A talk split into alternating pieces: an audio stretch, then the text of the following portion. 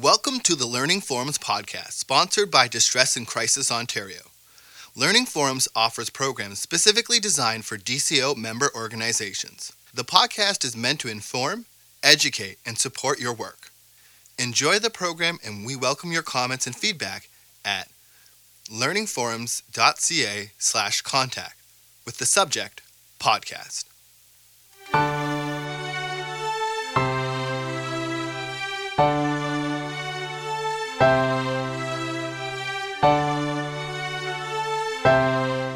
My name's Yvonne. Uh, I work at St. Michael's Hospital as a suicide intervention consultant at the Suicide Studies Unit of the Arthur Sommer Rotenberg Chair in Suicide Studies. So, when we talk about what do I do at the Suicide Studies Unit, I do some research, I do teaching, as well as I do a fair amount of clinical work as well. I have a, an intervention for people who have had recurrent suicide attempts. And I also do some crisis work, telephone work, in office work, and in some of the research studies that we've been involved in, I also um, see people clinically on a one to one basis based on the different kinds of research. So, if you know people who have had suicide attempts, um, please make sure that you let them know that we do exist. And we do try to get groups going at least twice a year, uh, depending on the facilitation. Uh, the group of facilitators that we may or may not have uh, determines how many groups we can run at a time. And the groups go for people from the ages of 16, and there's no end in terms of age group, age limit. We don't uh, say, no, you can't join because you're too old. So we're here to talk about mental health diagnoses and the impact on suicidality. And I'm going to focus on three of the major groups that uh, we see in our unit.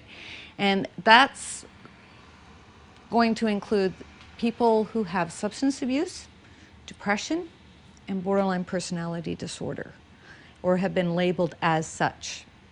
Now, when I say labeled as such, uh, it doesn't necessarily always mean that the person has been given a formal diagnosis, or it might mean that the person's been given a diagnosis within a crisis situation, and when they're having a regular day, that diagnosis doesn't hold for them. Or they'll say, no, they called me this, but I don't agree with, with what they've called me. Um, so substance abuse, I'm going to talk about that without a whole lot of slides because substance abuse is one of the key elements that will put a person at higher risk regardless of diagnoses, whether there is a mental health issue or not a mental health issue. And so when we're talking about substances, we're talking about it not only in terms of alcohol and street drugs, but we're also talking about it in over or misuse of prescription medications, as well as some of the over the counter medications that people will buy. So if you've got somebody who's on the phone and you want to clarify that and you say, you know, are you using any substances or, you know, what have you got on board? Or what do you think has been contributing to you feeling like this? Have you taken anything? People will generally say, well, I, you know, I take my medications as prescribed. What about extra uh, medications like NyQuil, Gravol, any of the sleeping over-the-counter medications? Do you ever use any of that? And people may or may not tell you about some very interesting creative solutions that they use, that or overuse, um, particularly things like codeine, um, the Tylenols, those kinds of things. Uh, so you want to basically check out what are they using and then can they identify how this is helpful to them. So yeah, I use in order to calm down the feelings that I'm having. I use in order just to sleep. So you're looking for what is it that this person is using these medications for What's the outcome they're looking for? I just want to sleep. I want to die. I want to forget about things.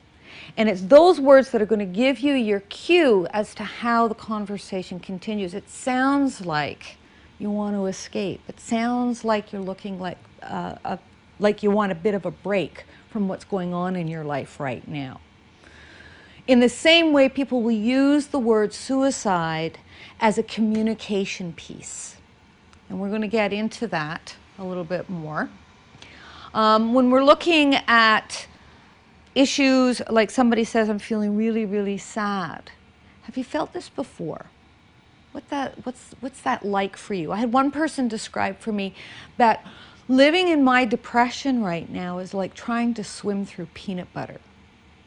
And that, that really gave me a picture of how intense the feeling was for this individual and, and how much work it was for the person to move just that little bit forward or that little bit backward. So when you're stuck in peanut butter, does that, does that mean you're feeling really stuck in the rest of your life right now? And there are people who have said, well, did you ask if it was crunchy or smooth?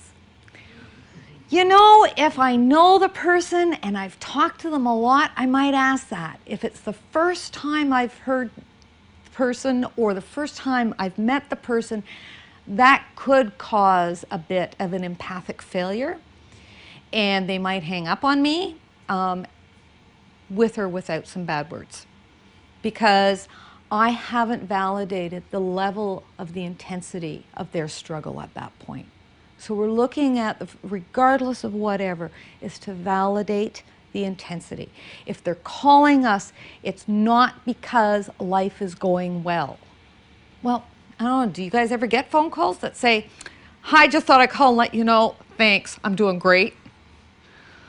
Oh, no, no, it doesn't happen very often. So, when we're talking about a major depressive episode, depression has this continuum, right from dysthymia, and it goes right across, and you can have a major depressive episode or, or an acute depression. And you can fall at various places in there. And the person will be feeling and may be able to identify feeling sad. There's going to be a fair level of hopelessness that they identify for themselves. They don't see much of a future because they're stuck. They're right down there. When you try to talk to them about problem solving or what else can you do about a situation like this, they're going to say there's nothing. Right? They're really, really stuck. And my clients keep telling me over and over and over again when the emotions go up there, the brain got left behind a long time ago. So if you're asking me to problem solve when I'm in the middle of my crisis, I'm not going to be able to do it. And some of the research has, in fact, borne this out in some of the uh, MRI and PET scan studies that there are parts of the brain that actually get overwhelmed and don't light up or don't do what they're supposed to do at those moments. So if you find yourself moving into a problem solving and feel like you're meeting a whole lot of resistance, it might be because you're moving too fast. We're looking at de escalating before we can move forward. We're looking for a bit of a range, right? So when someone is really, really super depressed, and they're talking about wanting to end their lives. They're letting you know that they're in a horrible, horrible place. And you need to hear and be with them in that horrible place. That's not to say you go down with them, it means you visit and you're with them. You're walking this journey with, with the client. We're looking for the intent we're looking for a plan and we're looking for access to means. And there are going to be some people who will tell you, when I feel like this, all I want to do is sleep. And so what will happen is they might also tell you they overuse their medications just so they can escape the intensity of the emotion at that point in time. Depression, if untreated, can lead people to very dangerous places. The other reality of it is, is depression can be treated. Right? In order for depression to be treated, it also means people need to get treatment or to go to their, to their doctor or other healthcare professional. And there are a lot of folks who, in fact, are undertreated. And When we're on the phone with them, though, the question is, is how much do we have to get into that? What are your thoughts about that? How much do I need to know about their depression of diag- or diagnosis um, when I'm talking to somebody who identifies themselves being in crisis?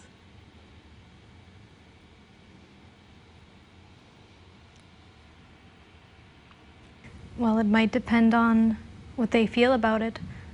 Some callers will let you know right away, and then mm-hmm. it is something that's open for discussion uh, while some choose not to talk about that, and then it's not the first thing on their priority, perhaps. So it's you need to feel in to the call itself, I guess. Right.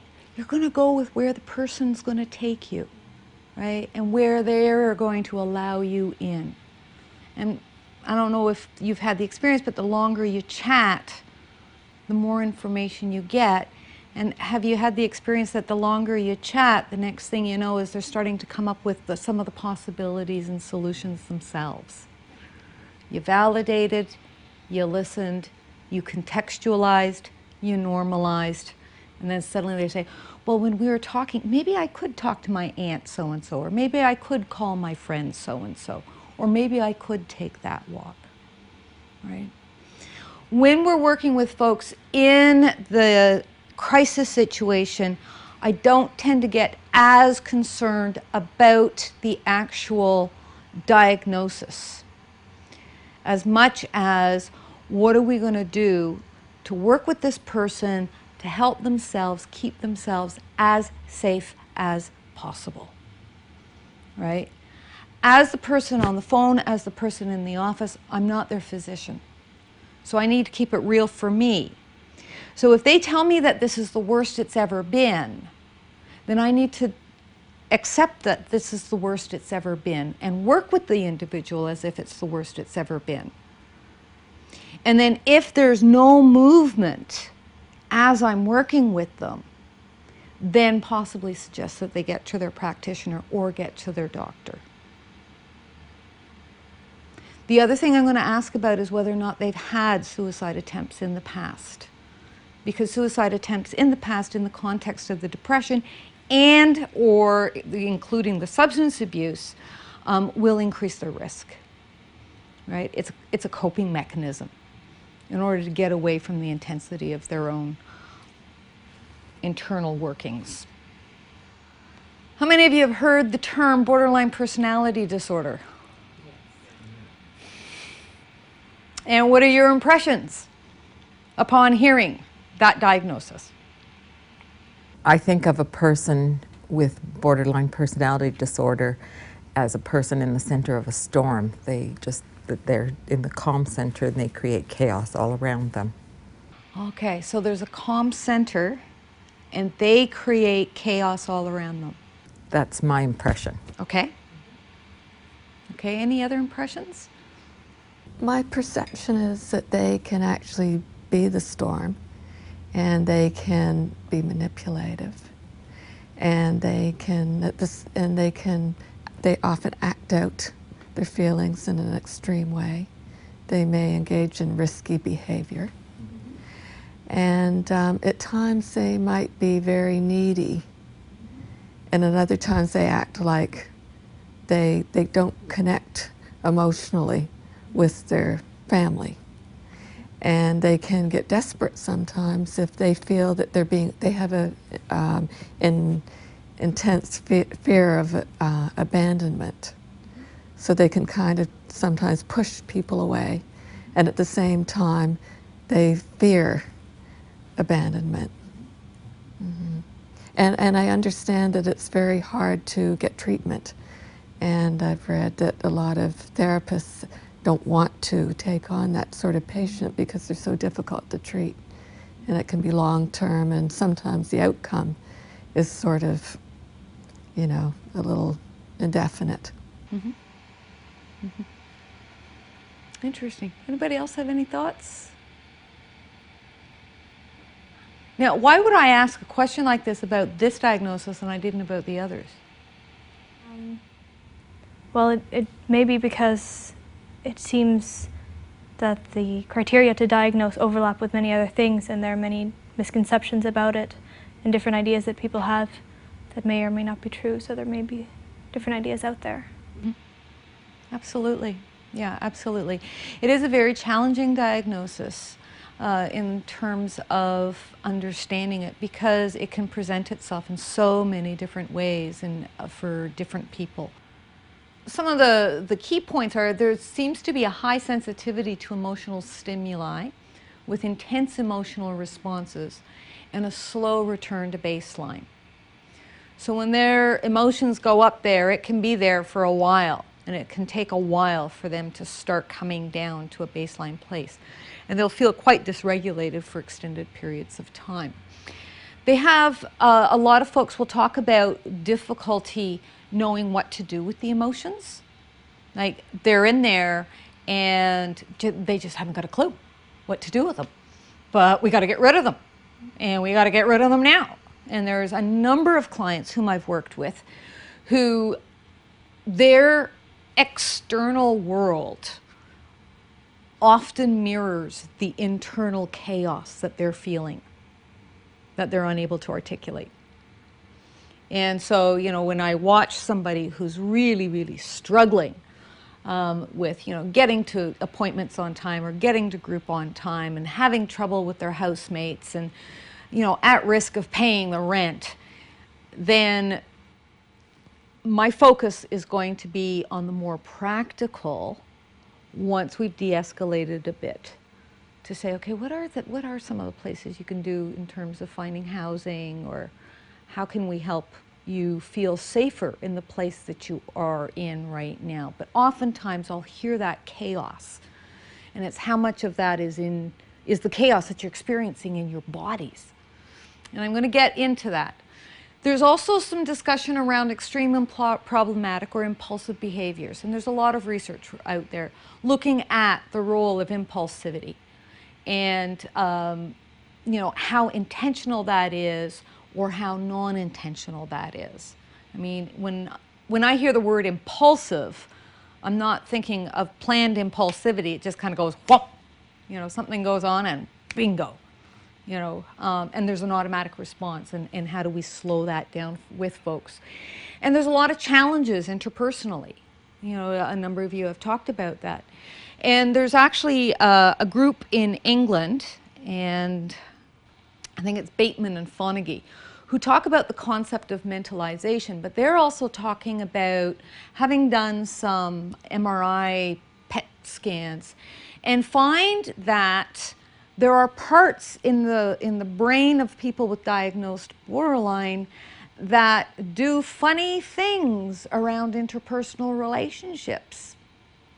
So there's actually a brain thing going on here as well. Now, what the cause is, I don't remember them saying. But it's can they or can I take the perspective of you walking in somebody else's shoes? When I look at your face, am I able to accurately read that? And chances are no, I'm not accurately able to read it.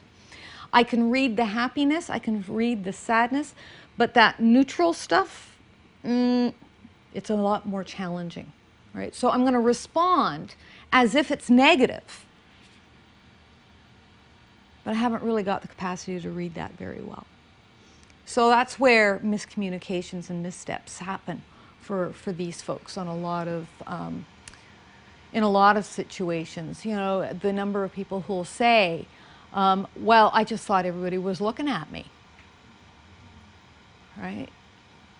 Yeah. Um, you spoke about impulsivity, that it can be either planned or not planned, um, and that the word itself implies non planned, but is there you also talked about. No, when, when I'm saying impulsivity, um, people will often say that people will react or respond in a manipulative way. And if they're reacting impulsively, then the question is, can you plan impulsivity? Hmm, I'm not so sure. You know, I look impulsive when I buy a car, but that's only because I haven't told anybody. I've been thinking about it for the last two years, right? so. Williams in 1998 wrote an article about what it's like to live with borderline personality disorder. The distress is real. It's like having been born without an emotional skin. There is no barrier to ward off a real or perceived assault. So when a person identifies that they've been given the borderline diagnosis and they say, everyone in my family has abandoned me, or I've had this huge fight with somebody, or I'm about to lose my job, it may or may not have happened, however, it is the perception that is driving the emotional intensity. So for that person, it's a lived, real experience in the moment of crisis. People will also talk about um, can I have somebody's hand? Oh, you're so kind. I'm going to take your hand and I'm going to ask you, what does that touch feel like? Lightly. Lightly. Yeah, okay. When we're working with, if, if we were to take that as an emotion, right, it's very light, it's very soft. Okay, you can, thanks for your hand. The person with the borderline diagnosis is going to say that that's not a light, soft touch. It's a third degree burn, right? It's that vulnerable for the individual. You know, so, you know, I think it's important for us in hearing the person talk is to remember that emotions are individual. What I might respond to, you might not respond to. The intensity might, to my eyes, seem really quite exaggerated but then I might be understating something. So we go again to where is the person at, with the key being we're going to look at de escalating as much as possible. And as she said, it was a spontaneous reaction to feel what might be perceived as a trivial slight by others as an emotional catastrophe for herself. An emotional headache for some was a brain tumor for her.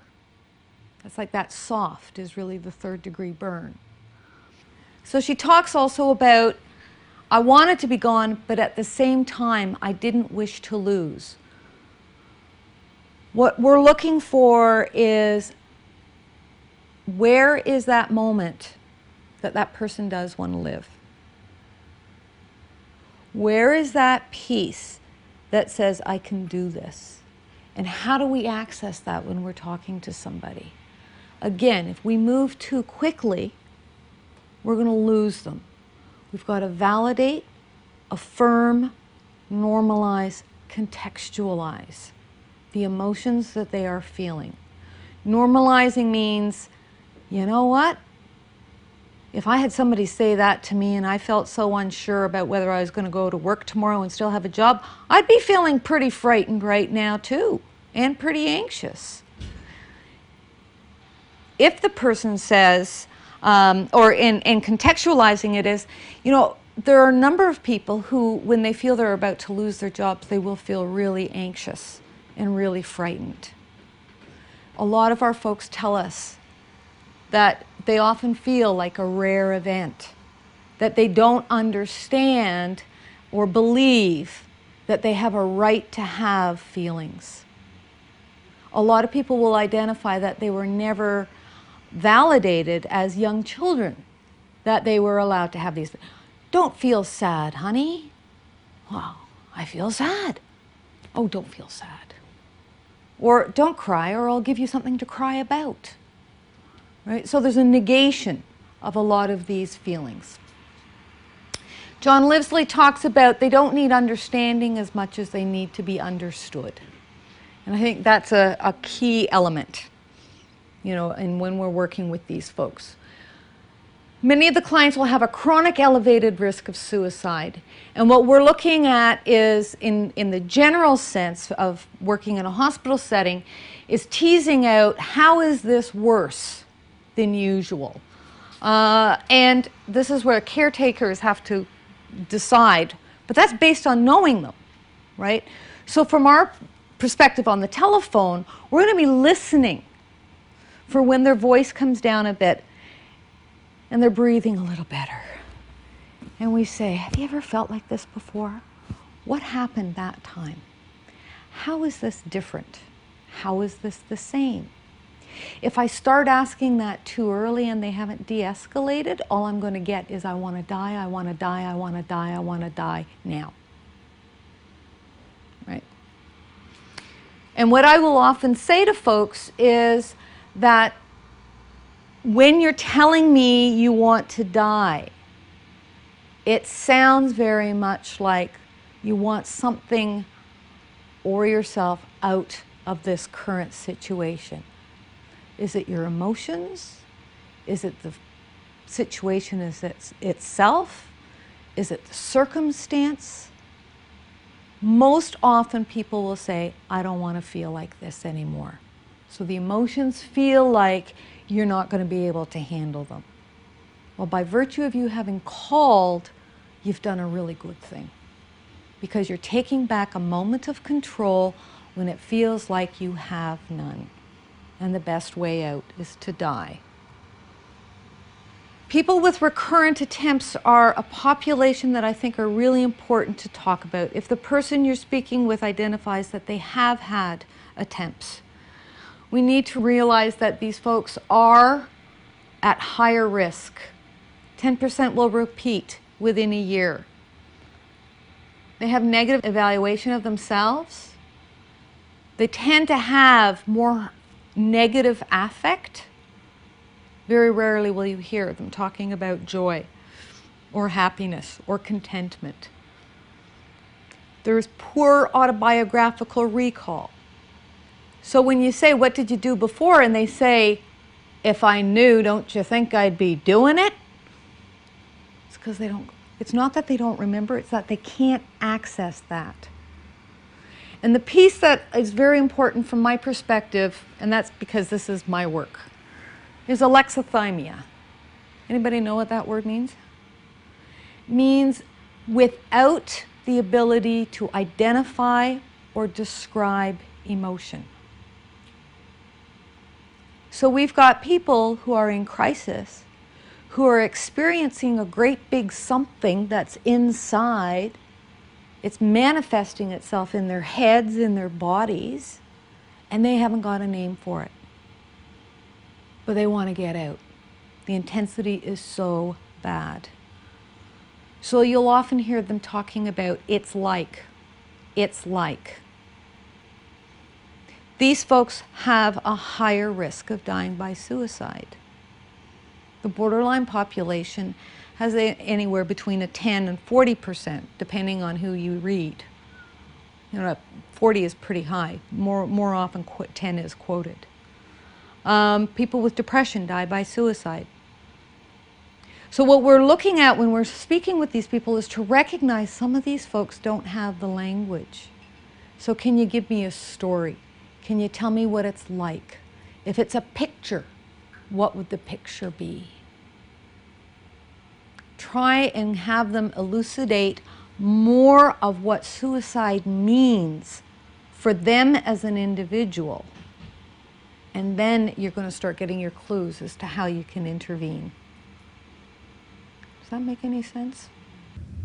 Um, I'm just wondering what resources are available for people who are diagnosed with borderline personality disorder.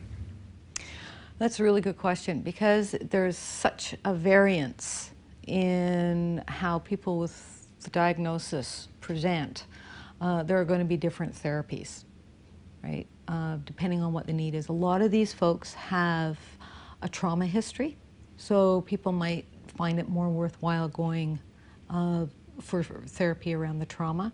A lot of these people will talk about anxiety and depression as well. Therapies related to what it is that the individual describes as their most important thing that they want to deal with. Um, there's a, a, researcher in the States by the name of uh, Zanarini, and she's followed people with the diagnosis over time, like 10 to 15 years, over long periods of time, and finds that people do get better with that diagnosis. And John Gunderson also has found the same thing. And that's about people staying in therapy And it seems like it might not be so much the therapy as much as it is being engaged in therapy with a therapist that they trust and can work with, right? When I'm working with folks with recurrent suicide attempts, I don't care what the diagnosis is. Because the place that I'm coming from is how can we, we get you to connect to living and develop skills so that you can live life more safely, so that you can then move on to doing the work around your trauma history, your substance abuse, your depression, whatever, you know, cocktail of, of labels they've been given. I think that the one thing that we as care providers cannot do is give up. These people need to believe that things will change. It's not going to be easy, and they're going to have to work and work. However, they can transition to a safer and healthier way of, of being with themselves. It's not hopeless.